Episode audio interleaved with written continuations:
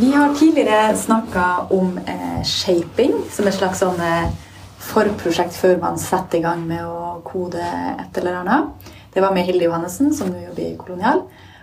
Og så vet jeg at du, eh, Kirsten, også har eh, kjørt noe som du kaller for strategisprint. Så jeg lurer litt på om er det noe er det litt sånn same shit, uh, different rapping, eller? Nå vet jeg jo ikke hva kolonial hvordan, hvordan de gjør det. Uh, men jeg har vært med og ledet litt ulike prosesser i VIPS, som jeg har egentlig kalt for strategisprint. Litt sånn inspirert av dette designsprint-uttrykket. Som handler om at en, mm, si, en liten rask strategiprosent prosess ikke skal dra ut eh, og vare opp og ned i mente i mange måneder, men at man eh, jobber sammen som et tett team eh, i løpet av noen uker for å få opp eh, hva skal jeg si, veivalg, eh, prioritering og, og, hva man skal fokusere på. på ja, for det, det, som Hilde var veldig opptatt av, var eh, at jeg tror det er en likhetstrekk Hun sa jo at Kolonial det er veldig, altså, de er, sier også at de er teknologiselskap, akkurat som du sier om VIPS. Mm. Eh, og at det er mye eh, kompleksitet rundt teknologi, og de gjør det her en shaping eller forprosjektet for å avdekke litt sånne rabbit holes ja. før de går i gang med selve utviklinga. Eh, er det litt det samme som det du bruker strategisprint til, eller hva er formålet med en strategisprint? Ja, så det jeg vil jo si Formålet avhenger jo veldig av eh, hvilken fase man er i. Jeg har jobbet med strategisprint for netthandel. Det er jo et etablert eh, område hvor man er et tverrfaglig eh, team som, som jobber innenfor både login, netthandel, men man har med da merkevare, salg etc. Jobber, jobber, jobber jo med netthandel. Men da det, var det viktig å få på plass en felles retning. Fordi når vi jobber med netthandel, kan man gjøre 100 ting. Og så handler det om istedenfor å gjøre 100, hva skal vi gjøre? Så da hadde vi veldig fokus på hvilke segmenter som man skal jobbe, skal jobbe med i, eh, i 2020. Eh, og da handler det jo om å få eh, Hvor er det vi kan både få fart, lønnsomhet og høy vekst? Og da få en sånn felles forståelse for det og bli enige om en felles retning. Så er det her en tverrfaglig sprint hvor liksom teamet som skal jobbe med netthandel, er med? Ja. Så det er både liksom tech og design og forretning og jurister og eventuelt andre? Ja. Så det er de som på en måte egentlig er med i det team netthandel. Og så er jo min rolle å kanskje styre prosessen og sørge for at vi får den Får snakket om det vi trenger, gjort de analysene vi trenger, etc. Så har jeg også kjørt en strategisprint som var på et helt nytt, eh, nytt område. Eh, som var eh, om vi skulle gå inn i et eh, nytt marked. Eh, eller, eller vi, er i, vi, er i, markedet, men lanserer en ny tjeneste. Da. Og da handler det eh, veldig mye om akkurat det du sier, sier nå. Om å se på hva skal jeg si, hva er markedspotensialet. Alt fra å liksom analysere prisnivåer, konkurrenter etc. Men også eh, se på si, det mer både tekniske. Hvor teknisk komplekst er det å få til, det, få til dette? Kan det være en deal-breaker? Eh, F.eks. For i forhold til hvor stort tech-team er det man trenger for å eh, både få det up and running, men også ha det, ha det i drift. Men også eh, compliance-messig, fordi veldig mye av det vi gjør, er hardt regulert. Eh, og eh, trenger mye si, compliance, og det er mye personverndata eh, etc. Så se om det er noen deal-breakers der. Så det handler akkurat om det som Hilde fra Kolonial sier. Få opp hva er de største risikoene, um, og vil dette potensielt være deal-breakers? Um, og hvis ikke, hvordan skal vi måtte håndtere dette? Uh, eller få et bilde av hvordan vi håndterer den, de risikoene. Ja, Vi snakka litt med Hilde om det her med hva type personer er, du, er det man har med seg i et sånn type eh, forprosjekt eller en, mm. en sånn mer strategisprint. Ja.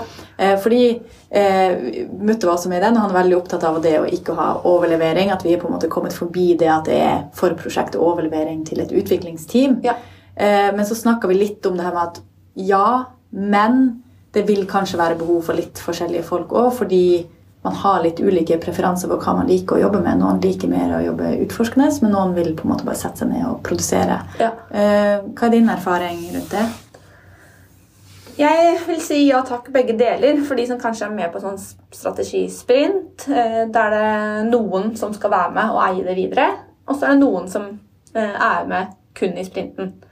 Så sånn som eksempel konkret da, den ene sprinten vi hadde, hvor man skulle sjekke om vi skulle gå inn og lansere en ny tjeneste, så var det meg, som da er en klassisk eh, si, prosessdriver.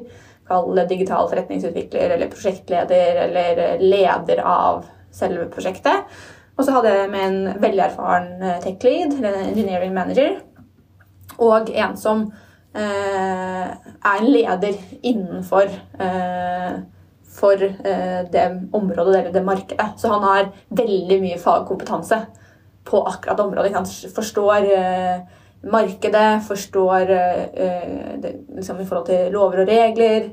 Eh, forstår potensielt hvilke priser man kan ta. Domene, Domeneekspert. da. Ja, Fagekspert. Eh, og det er han som potensielt skulle tatt dette videre. Eh, og ha liksom, eierskapet til det. Mm. Så jeg vil si ja takk, begge deler. Jeg tror det er viktig å ha med noen som skal eie det videre. sånn at som du sier, at det ikke bare blir en sånn overlevering. Men alle trenger ikke det.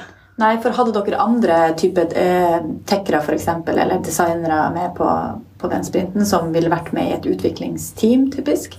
Eh, vi hadde jo med en tech lead, eller engineering manager, eh, som er en ganske sånn senior ressurs. da, Som, ja. ser, som liksom er med å pinpointe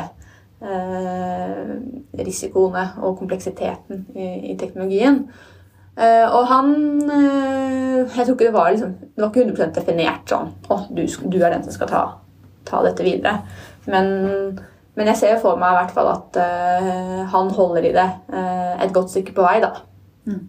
Ja, det, jeg bare kom til å tenke på også Tidligere når vi har snakka om smidig organisering så uh, Vi har snakka om VIPS da òg, mm. uh, men så snakker vi òg med Riks-TV. Og uh, de har jo også sånn at til og med liksom markedsavdelinga nå inngår i smidige team. Mm.